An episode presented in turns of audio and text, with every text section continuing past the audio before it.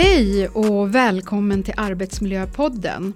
Idag ska vi prata om något som säkerligen många kan känna igen sig i. Känslan av att inte riktigt passa in och inte bli lyssnad på. Föreställ er följande scenario. Erik är en av de där personerna som alltid har nya idéer. Han jobbar på ett medelstort företag där alla känner alla och på företaget har man månatliga möten digitala som fysiska.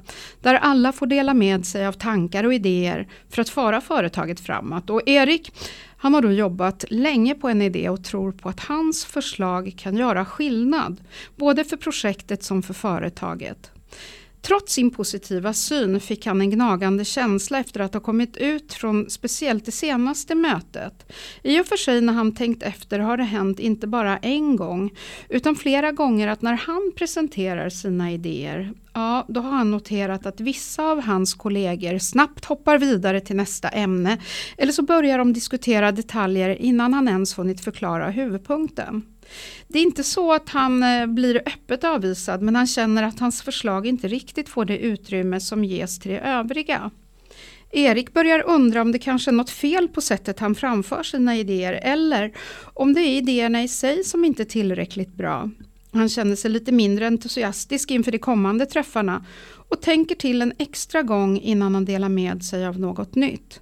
Det är inte som att han ger upp men han saknar den där känslan av att vara en värdefull del av teamet. Eriks upplevelse är långt ifrån unik och tyvärr en verklighet för många. Det är här inkluderande kommunikation och kunskap kring hur exempelvis härskartekniker spelar roll och hur påverkan blir på individer som arbetsmiljön på en arbetsplats. Hur påverkas företagets kultur som ekonomiska utveckling när den här typen av beteende existerar på arbetsplatsen? Idag har vi också en härlig gäst med oss. Varmt välkommen Aurora Sederholm. Du är senior retorikrådgivare eh, och eh, inom mänskliga rättigheter också. Hej och välkommen till Arbetsmiljöpodden. Hej Milla, vad trevligt att få vara här. Du, kan du inte berätta lite om ja. dig själv? Vad var det som väckte ditt intresse för retorik? Jag tycker det är ett sånt fascinerande ämne. Det, det rymmer så mycket. Dels hur du själv är som person och som talare och sen har du en publik och sen så är det orden. Och eh, det, retorik kan ju verkligen nå en stor förändring. Eh, det kan ju skapa fred, det kan få människor att mötas, det kan skapa kärlek. Eh, om man tänker så som, som världen ser ut nu idag så, så tänker jag ofta på Nelson Mandelas ord att the best weapon is to sit down and talk. Ja, verkligen. Ja. Och du var ju först i Sverige med att ta en filkand i det här ämnet. Ja. det har jag läst mig till. Ja. ja. Så. Och sen är du också författare. Du ja. är på väg att ge ut en bok också just mm. kring retorik. Ja. ja. Vi håller titeln lite hemlig. Ja, ja eh, så, så. För det var ju inte klart riktigt än som jag förstod Precis. det. Men du, jag tänkte så här, för jag tror ju att eh, många kanske inte riktigt förstår vad just det här med kommunikation innebär. Kan inte du beskriva vad en inkluderande kommunikation innebär och varför det är så avgörande för en hälsosam arbetsmiljö? Just det. Jo, men inkluderande kommunikation är att man för alla försöker kommunicera på ett sätt som gör att alla på arbetsplatsen känner sig inkluderade, sedda och bekräftade. Och nu som det här goda men hemska exemplet som du berättade om, Erik hette han ja. ja. Så pågår det här lång tid så, så mår man ju inte bra som, som person som när man blir alltså konsekvent o, alltså osynliggjord under lång tid. Så ja, inkluderande kommunikation är liksom att försöka hitta sätt som man kan kommunicera efter allas förmågor och eh, tillgångar och även vara lyhörd för att vi alla är olika och försöka anpassa kommunikationen så att vi når, når varandra. Vad är det som gör att det är så svårt att, att greppa det här? Vi är olika. vi är hemskt olika. Alltså det är så många olika frågor. Vi kan ha olika bakgrunder, det kan vara klassfrågor, det kan vara olika nationaliteter. Eh, vi kan ha olika kommunikationssätt att vara. En del är väldigt korthuggna och tydliga och rationella, en del är mer känslosamma. Det finns ett spektra, alltså hur, hur olika vi kan vara som människor. Det är inte helt lätt att navigera i detta alltså. Men jag tror att välvilja och empati det, det tror jag är goda, goda som start i alla fall. Ja, ja. Då betyder det att vi behöver ha ganska pålästa chefer och ledare. Ja, precis. precis ja. Och mm. just det här med att ha ett empatiskt, eh, professionellt empatiskt förhållningssätt, ja. det är ju jätteviktigt. Ja. Mm. Eh, men jag tänkte så här, Berit Ås var väl först med att identifiera de här härskarteknikerna. Och sen har det väl utvecklats genom åren. Vad är det som gör att vi ändå, för jag menar vi lever ju i ett modernt samhälle och eh, innan vi satte oss och hade den här diskussionen så, så eh, tog vi faktiskt upp frågan vad, vad innebär det att vara människa? Mm. Och jag tänkte vi kopplar in det lite grann i den här diskussionen. För att eh, just inkluderande kommunikation och, och att inkludera alla, du var ju inne på det. Men just när det kommer till härskartekniker, vad är det som gör att vi beter oss på det här sättet? Eh, eller att vi tillåter det? Just det. Alltså, om, om man kopplar till retoriken så finns det en speciell del inom retoriken som kallas för eristiken. Det vill säga att då, då vill jag ha makt över dig som person, jag vill vinna, det är liksom mitt syfte. Eh, och, och sådana människor finns ju, de, de kanske inte är någon promenadseger att diskutera med, de kan vara rätt obehagliga. Men det, så dels så finns det ju sådana personer. Eh, men om jag svarar på din fråga, vad sa att varför har vi det här beteendet? Ja, eller varför... Varför, varför beter vi oss som, för vi vet ja, ju ändå precis. alla vad, vad, det innebär att vara människa. Ja, liksom. Vi precis. är ju utav samma ja. korn och skrot hela gänget, ja. vare sig vi vill det eller inte. Ja. Jag tror rädslor eller att folk vill positionera sig, ha makt. En del är omedvetet, det får man också vara lite försiktig med att man Alltså att en del härskartekniker kan vara att omedvetet, att de, de tänker inte på det, de, de gör det. kan vara lika obehagligt ändå. Men man kan ha med sig det för så man inte helt går i taket som en raket och blir förbannad. Utan det kanske faktiskt var någon som inte var medveten om sitt kommunikationsmönster. Så det får man också ha lite empati för, att folk inte är medvetna och Ja, vi kan ju vara lite kantiga ibland. Mm. ja. då, blir, då känns det som att det vore det extra viktigt att man då har kommunikationspolicies eller code of Just conduct, det. code of ethics ja, på ett företag. Ja. För att få bort de här äh, flosklerna ja. som högt i tak och rått och hjärtligt och allt vad det kan vara. precis, precis, ja men verkligen. Ja. Och också när man har de här kommunikationspolicyerna att man, man levandegör dem så de inte blir något sånt dammigt dokument som ligger i någon hörna liksom, och så ska folk plikt, liksom, troget läsa de här. Utan att man försöker engagera personalen, hur vill ni ha det? Och inte bara att man liksom uppifrån ner utan eh, även nerifrån upp om man nu får ha den eh, ja, distinktionen, det är kanske inte är någon bra, då kommer jag in på status, men i alla fall att, man, att alla får vara med och påverka, hur vill ni ha det, hur vill ni bli lyssnade till, hur vill mm. ni att vi ska prata med varandra? Så att det blir, så man får ett engagemang från medarbetarna. Så att det känns lustfyllt och viktigt och vi vill verkligen lyssna på er, hur ska vi göra det här till bästa? Då kan det komma massor med idéer också, då tror jag när man hittar medarbetarnas engagemang och, och välvilja där tror jag att du har en framgångsfaktor, tror jag, när, mm. när folk får vara med. Det är att, eh, mm. Och det är ju ja. lite också vad arbetsmiljölagen säger, att du ska ju samarbeta med dina medarbetare för att få till en bra arbetsmiljö och ja försöka ja. liksom inkludera dem och alla policies och rutiner och instruktioner ska ju vara förankrade i verksamheten. Mm. Mm. Uh, det var lite kul för jag pratade ja. med en arbetsmiljöinspektör från en sak till en annan. Och ja. Hon berättade för mig att när hon gjorde in, in, inspektioner då tog hon de här policyerna sen gick hon ner på golvet och ställde frågan till, mm till medarbetarna, har ni sett de här? Och svarar de nej, då hade inte företaget arbetat med den systematiska arbetsmiljön, nej. att försöka förhindra att det uppstår risker i mm. verksamheten. Då.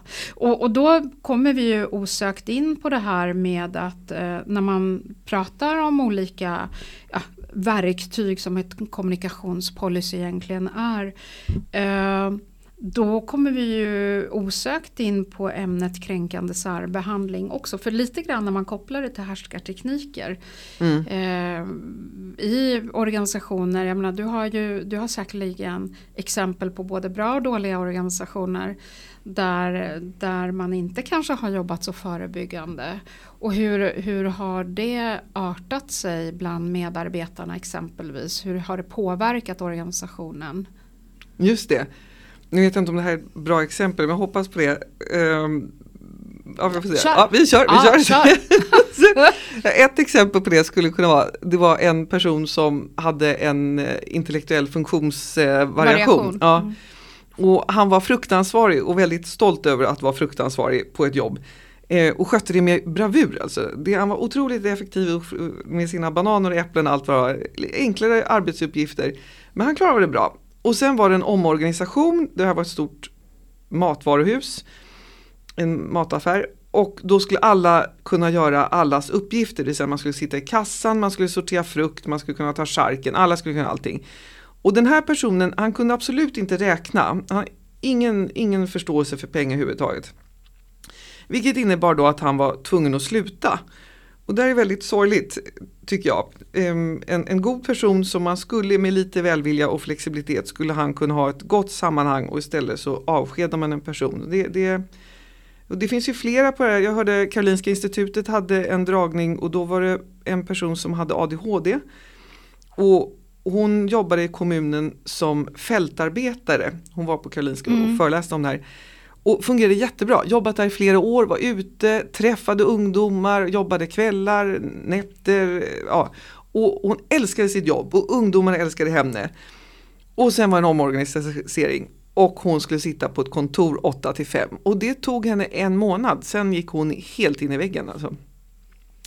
Och då har man ju inte tänkt till för då har man ju verkligen inte tagit in det här att vi är Nej. olika, att vi har olika mm. eh, förmågor. Eh, det finns ju någonting som, som när man pratar ja. just eh, vad som driver oss. Mm vad, vad motiverar mig. Ja. ja Daniel mm. Pink är ju en sån här mm. motivationsföreläsare. Jag tycker han är rätt rolig att lyssna på. Men han, ja. han har ju mm. också pratat just kring deskriptiva normer. Mm. Vad är det som gör att jag går till jobbet. Och det där är ju exakt en sån mm. sak. Att jag som arbetsgivare, om jag är lite klurig och identifierar vilka styrkor en medarbetare ja. har.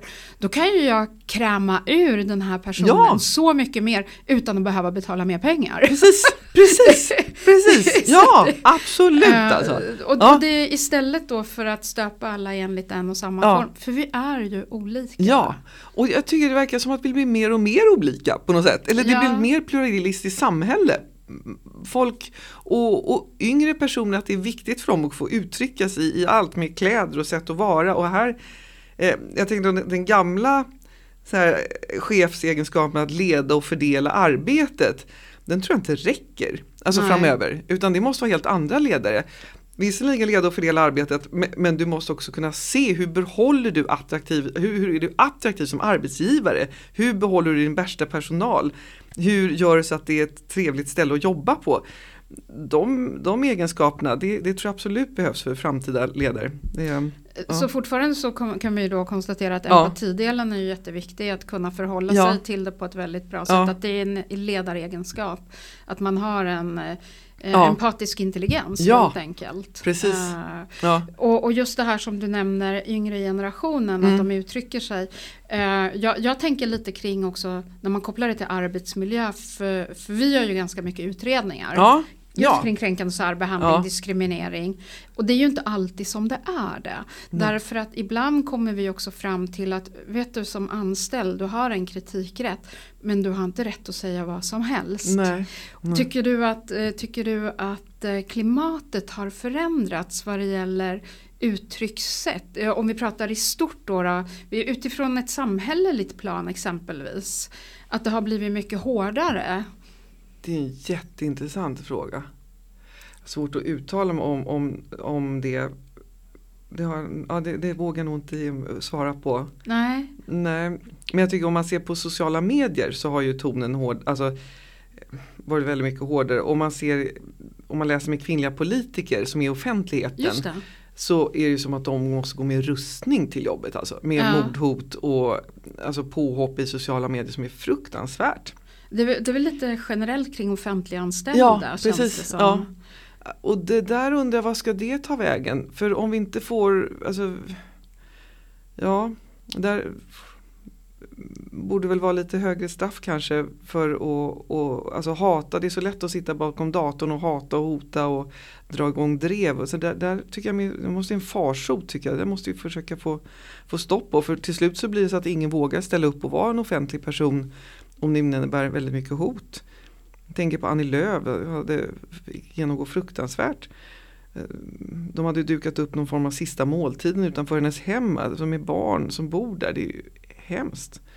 Ja, det är ju inte klokt. Nej det är verkligen inte det. Och det, det där är, Mm. Och det är det här jag, jag eh, funderar lite över Ja. om det kan vara så att samhället är stort i och med att våran omvärld är ju Ja. väldigt komplex idag. Ja, Den ser inte ut som för 50 år sedan. Nej. Om det också har gjort att vi påverkas och också Mm. avhumaniserar ja, den vi har framför oss. Just Ja. för att det kanske är en skärm eller så just det. Ja, emellan och då Mm. tar vi oss friheten att skriva i princip vad fasiken Ja. som helst. För det är ju ändå bara ord ja precis. Ja, ute i cyberrymden någonstans. ja. Det, och jag tänker också på det här med alltså ordet som man bara går tillbaka till med härskarteknikerna. Ehm, från början så var det faktiskt, alltså om man tänker på, ehm, så var det, det myntades av, av en norsk filosof, jag kommer inte ihåg vad han heter. Men det var just efter andra världskriget. Han Mm. ville veta varför, hur kunde Hitler komma till makten? Hur, hur var det möjligt? Och då bör man se alltså, alltså psykopater, deras förmåga att ta sig fram i samhället och, och bland då Nazityskland. Och man ser på världens ledare nu, inga namn, men så blir man ju lite oroad kan man ju säga om man jämför med Nelson Mandela, Martin Luther King, Gandhi, alltså som stod för något helt annat. Om man Gandhi, han var ju liksom både en, en religiös ledare, en, en andlig ledare och, och en politisk ledare. Men helt annan alltså fredsbudskap. Det, var är de här ledarna nu? Alltså varför har vi kommit till en tid där de inte får plats? Det, ja, det, det oroar mig. Men man måste ha hoppet också. Vi måste Ja. ha hoppet, vi får inte Men tappa där det. blir ju Men jag- ja, retoriken väldigt viktig. För Ja. vad du egentligen säger det är ju att retoriken också har förändrats. Man använder sig av andra uttryck idag Mm. för att få den stora massan med just sig. Och kan de här uttrycken vara kopplade just till den samtida värld som vi lever i? mm, För, för jag blir alltid så fascinerad över att ehm, jag menar för 30 år sedan, jag är ju flyktingbarn. Det Jaha, vet inte alla. från- Ja, Tjeckoslovakien. Jaha, Åh, Så ja. eh, jag levde ju med det här eh, stora hotet ifrån eh, den stora, det Ja. stora landet. ja, Um, men men eh, idag så känns det som att den retoriken som var under kalla kriget Mm. Har återvänt på Ja. ett sätt som är väldigt märkligt. Vad lär vi oss av historien, tänker Ja. jag, när vi pratar Mm. retorik? ja. Hur, ni som jobbar med de här frågorna. Ja, vad lär vi oss av historien? Alltså Man, man försöker analysera och se vad, och, alltså hur, hur, lyckades då, om vi tar Nazityskland och med, hur, hur, var, hur gjorde de propaganda, alltså enkla budskap, enkla slogans. Ehm, och det används ju nu nutid också med vissa andra stora ledare utan att säga några namn. Men vad man kan göra, apropå vad som är fint med härskartekniker om man tar tillbaka med det, det är också kunna, att vad Berit Ås gjorde var ju också att, att det finns en systematik i härskartekniker och du kan också identifiera dem och du kan skapa en förändring och du kan lyfta upp någonting och det är ändå hoppfullt. Ehm, man får ju inte låta det här pågå och det gäller ju det lilla som är det stora samtalet. Att när man ser någonting som händer på någon arbetsplats, alltså det kan vara någon som, som säger något rasistiskt eller något sånt där så får ju vissa ett ansvar att, säga någonting och så känner de, att nu är jag någon form av partypooper för alla skrattar ju åt det här rasistiska skämtet eller de eh, skrattar åt det här sexistiska skämtet om kvinnor och så vidare. Och ska jag då vara den här som, som förstör stämningen. Då hörde jag på Bianca Kronlöf för flera år sedan, hon sa det att man ska inte ta det ansvaret att man är den som förstör utan det har den andra redan gjort när den sa det här elaka det. skämtet och det tyckte jag var så fint, jag vill lyfta Ja, fram henne där lite verkligen. grann. Att det, man, man ska inte ta, ja, det, Och det är så intressant det som du Ja. säger just på våra arbetsplatser. För Mm. vi är ju väldigt olika. ja. Och jag vet ju att du har ju jobbat, nu kommer vi till det här svåra ordet, Ja. intersektionalitet. Ja, det, den Med är den ingen- typen av är processer.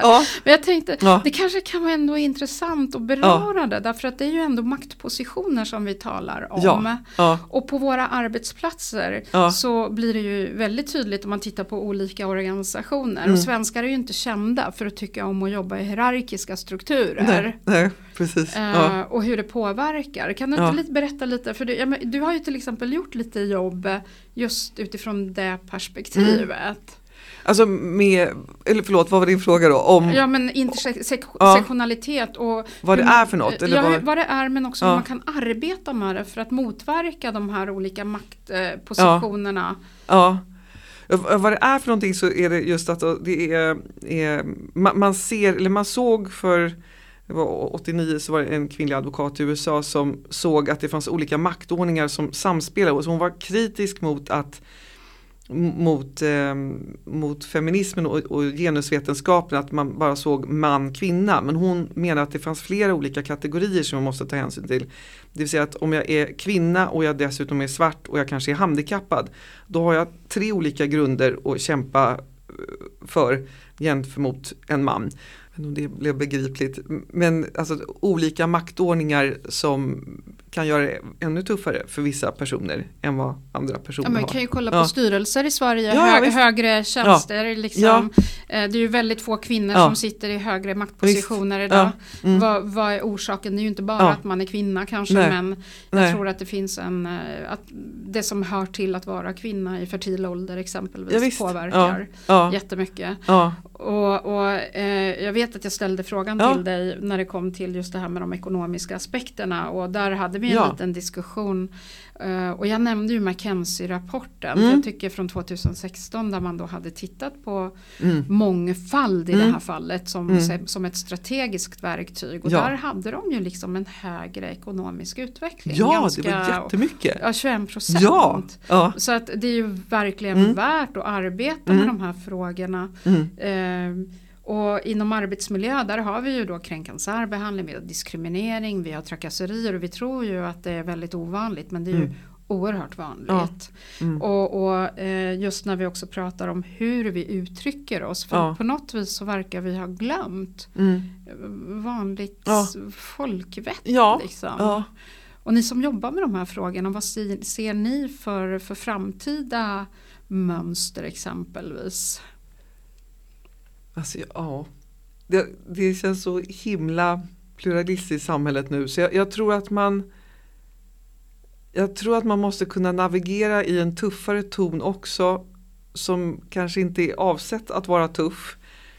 Um, och där, den måste man också kunna hantera utan att, att bli ledsen och, och samtidigt som man får försöka hela tiden skapa förståelse för hur vi ska prata med varandra.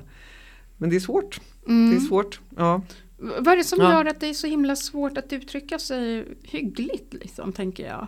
Men vi har inte blivit snällare i vårt sätt att uttrycka oss. Jag lyssnar på nyheterna jag, ja. jag, med förkärlek. Mm. Och, och konstaterar, liksom, eller nyheterna med P1 då säger vi. Och, och inser att även språket där har ju förändrats. Eller ja. om man tittar på SVT så har ju också språkbruket förändrats. Vissa ord skulle mm. man aldrig ha tagit i, i sin mun för 40 år sedan. Nej. Ja. Och, och, vad gör det med oss människor att mm. eh, språkbruket förändras så mycket? Ja, jag tror jag påverkar rätt illa, tyvärr. Och jag tänkte, som vi pratade innan också, jag tänkte på, Annie Lööf slutade ju mm. här eh, och då när hon var ett år sedan hon slutade lite drygt nu och då la hon upp något litet klipp på sin någon hemsida där hon eh, tackade för alla tal, alla höll så fina tacktal till henne och då ställde hon frågan varför talar vi inte mer så här till varandra i vardagen. Alltså varför har det blivit ett polariserat språk? Varför är vi hårda mot varandra? Och också om, om politikerna som, är, som representerar mycket del av det offentliga samtalet, om de har en hårdare ton så är det lätt att det liksom sipprar ner till allmänheten. Så jag, jag tror att det är så viktigt att alla på offentliga positioner har en, en, en god ton. Ja. Det, det, tror jag är väldigt viktigt. Mm. Hur, ja. hur, frågan är hur många som har fått en utbildning ja. inom retorik. Just det. Ja. Det, det, är också en viktig del. Eh, men jag tänker även om man går ner till skolor och Visst. Ja. Eh, kolla. Precis. Jag, jag, brukar ju fråga mina chefer som jag utbildar att eh, hur många utav er har tonårsbarn. Eller de behöver inte ens vara tonåringar. Men hur uttrycker man sig i skolan? Mm redan i grundskolan på en ganska låg ja, nivå. Det, det är mm. ganska hård ton. Det är jättehårt. Och framförallt unga tjejer då ja. i sociala medier och sådär. Ja. Och det är skällsord och det är nedsättande ord och det mm. Så att, mm. Eh, och det, det kan man ju fundera över. Ja. Hur det har kunnat stanna och, för det påverkar ju oss så oerhört negativt. Ja. Och där tror jag, jag vet jag har en god vän som vars dotter hon är adopterad och, och, och hon är svart och hon blir kallad för en ordet och Och skolan har inte reagerat där. Alltså, men han, han anmäler skolan hela tiden, alltså konsekvent för att det måste till en förändring. Så hela tiden inte släppa det här utan det måste upp på dagordningen och så måste man försöka göra någonting åt det. Men det är ju väldigt tröttande och det är jobbigt att vara i en sån situation och en sån miljö eh, förstås för alla. Ja verkligen och jag tänker så här på en arbetsplats ja. där man då kanske har en arbetsplatskultur ja. där man låter gå. Ja precis. Mm. Där man inte reagerar. Nej. Mm. Då blir det ju en enorm eh, negativ effekt. Ja. Mm. Uh, och jag menar, pratar man utifrån effektivitet så är det ett väldigt dåligt sätt att vara effektiv på. ja, ja, det är kul. Men där är också ett tips som man kan göra just med härskartekniker. Så finns det dels man kan lära sig härskarteknikerna och bara att man lär sig dem så kan man snabbare identifiera dem. Och sen kan man också se, okej okay, vad ska jag göra som motstrategi då? Nu, nu blir jag attackerad här, vad ska jag då säga tillbaka? Och sen kan man även som, ehm, för att få en bättre arbetsmiljö, alltså man kan se vad som kan göra som tredje part. Det vill säga att om jag skulle sitta på ett möte och så är du där Milla och så är någon annan och så är någon annan som säger något riktigt tjuvens till dig här. Liksom. Då behöver ju inte jag, Aurora, sitta tyst utan jag kan faktiskt säga så här men du Anna, vad sa du till Milla här just nu? Sa du verkligen? Och så kan man upprepa, sa du verkligen? Bam, bam, bam. Så att jag har ett ansvar också som tredje part och det, det ska man lyfta fram och då tycker jag att man, man har ett ansvar där som medmänniska. Och vad som är härskartekniker just är att man, man stannar av diskussionen, är ett tips, stannar av analyserar vad har hänt för någonting, menade du verkligen att, eller hur tänkte du här? Att man ställer en fråga och då får, om man säger så, attackeraren försvara sig eller hur menar du? Eller, eller kanske i bästa fall backa, oj det här var inte så bra sagt. Eh, och så kan man släppa det så. Men eh, som tredje part så har man absolut en roll och kan göra något. Och det ska man göra, tycker jag. Och det ja. kräver ju ett visst mod då. Ja. Då, då gäller det verkligen ja. att man har en tillåtande eh, arbetsplatskultur mm. där det faktiskt är okej okay att säga det. att det där var inte okej. Okay. Mm. jag är inte okej okay med dig. Nej. Med att du uttrycker dig på det sättet. Mm. Uh, och, och, jag vet ju att när, när man pratar om tillitsfull inkluderande mm. arbetsplatskultur det är ju någonting som man behöver jobba med. Ja. Jättehårt mm. egentligen. För det kommer inte av sig själv. Nej, det gör inte det. Och jag vet, jag var nere på ett eh, stort företag, jag ska inte säga några namn här, men, eh, och då var det unga killar eh, och de hade ju i princip, alltså det var ett jättestort företag, de hade, de, i princip så blev de liksom tagna i örat va, av de äldre gubbarna. Och då när jag gick igenom härskartekniker för dem och det var ju som att de hade sett ljuset på något sätt. så här, men det är ju så här de gör! Och de var så förbannade och förorättade. Men de hade inte sett teorin. Va? Men har man teorin så, så kan man också arbeta mot det. Så de var, de var riktigt eh, både förbannade men också glada att man kunde göra en förändring. Så det här är verkligen något som sker mot alla. Alltså män gör mot andra män och män gör mot kvinnor och kvinnor gör mot män. Så det, det, ja. Och kvinnor gör det mot kvinnor. Kvinnor gör det mot kvinnor, absolut. Ja, visst, är. Vi, vi är ja. rätt duktiga på ja, precis. Eh, så är det ju. Ja. Eh, och jag tänker gånger, många gånger på, men vilka utmaningar tycker du organisationer stöter på oftast när man då försöker implementera en sån inkluderande kultur och, och hur kan man övervinna det här?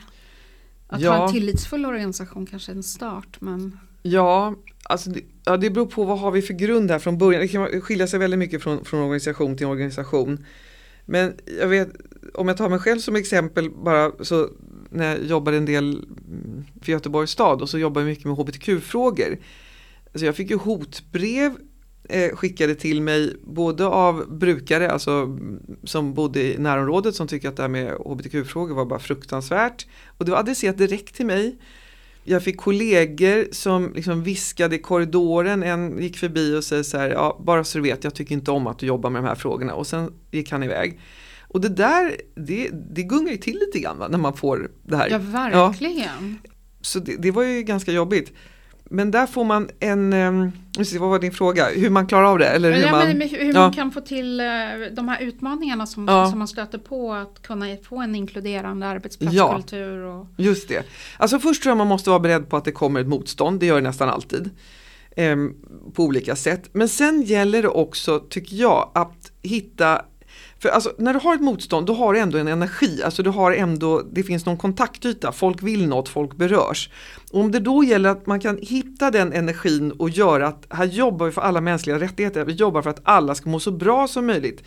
Så med lite bearbetning så vill jag ändå tro att det kan gå att få en, en bättre arbetsmiljö. Men det, det, krävs ju kunskap och det kräver någon som kan jobba med människor, det krävs en, en god policy och det krävs någon som om har en finger, fingerkänsla med människor och kan ändra deras mindset och det får ta lite tid. Och jag tror också, idag tycker jag när man hör utbildningar Ja, kan du komma i utbildningen? Du har 30 minuter på dig och så ska du ändra hela personalgruppen. 30 minuter, jaha. Alltså det, det, det går är, inte. Det går inte! Man Nej. måste processa vissa grejer. Alltså det måste få vara workshops, man måste stöta blöta, man måste få se exempel. Alltså den här snuttifieringskulturen. Där allt ska gå så jävla snabbt och, oh, förlåt, ja, snabbt och effektivt. Ja. ja. det, jag tror att vi biter oss själva i svansen. Alltså, vissa saker måste få ta tid för att landa och sätta sig för att det ska kunna gå. Så ett tips är att inte ha för bråttom. Ja. Gör det hellre med kvalitet och låt det ta lite tid. Det tror jag är jätteviktigt. Och hitta rätt person som kan driva det här. Det, ja. Och, mm. och, jag vet ju att ja. du ska ju dra igång, igång eget här. Ja, ja. ja. Uh, och är det den här typen av frågor som du kommer att arbeta med? Ja, det tycker jag är väldigt roligt. Jag, jag gillar ju problem. jag gillar faktiskt problem och försöka lösa dem och få ett bättre samhälle. Så jag, jag tycker sånt här är väldigt roligt. Um, jag gjorde något liknande för någon månad sedan. Då var det ett företag som hade arbetare i, eller anställda i Finland och i Norge och i Sverige. Och alla var duktiga, men de lyckades inte kommunicera sinsemellan. Och det här var, det var inga härskartekniker, det var inga, inget illa, det här var det bara helt olika nationella identiteter som, som folk jobbade efter och gjorde så gott de kunde. Men det krockade ändå. Men då hade jag en workshop och där man bara fick eh, kunskap om hur de olika jobbade och vi kunde göra det på ett rätt eh, roligt och lustfyllt sätt. Och efter det så blev det mycket bättre för dem och då, sånt är ju väldigt roligt när man kan få förståelse för andra och så ändra det så att det blir någonting positivt. Och så himla nödvändigt också ja. för att vi lever i ett multikulti-samhälle. Ja, precis. Eh, ja. Så, så, att jag menar vi, vi har ju ja. människor som kommer från alla världens hörn. Precis. Och det ser inte likadant ut som i Sverige.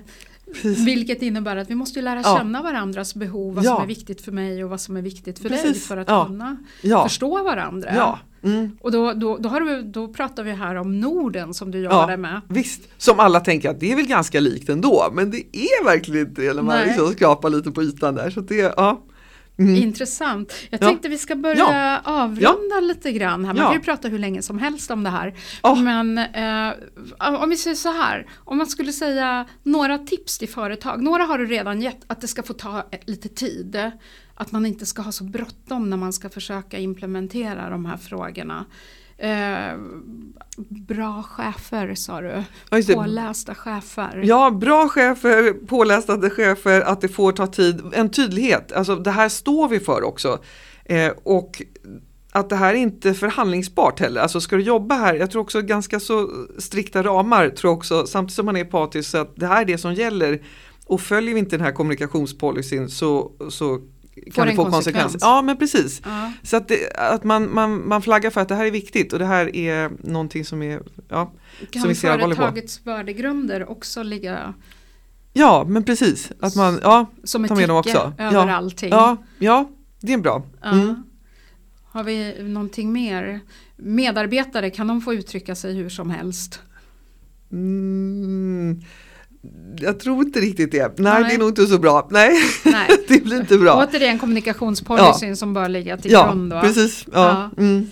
Tack snälla för att du ville komma hit och dela med dig av dina kunskaper. Och så, ja, men lycka till med lanseringen av din bok. Du får komma tillbaka sen när, när den är utgiven och klar. Uh, och tack till dig som har lyssnat. Nästa avsnitt som vi kommer att ha på Arbetsmiljöpodden kommer att handla om ett helt annat ämne, nämligen korruption i folkhemmet. Finns det? Uh, jättespännande. Och jag som har pratat tillsammans med Aurora heter Milla Jonsson och det här avsnittet är gjort i samarbete med Låbox, din digitala rådgivare och guide inom juridik och helst kommunikation. Tack snälla Aurora för att du kom hit. Tack, och tack för alla som har lyssnat. Hej då! Hej då!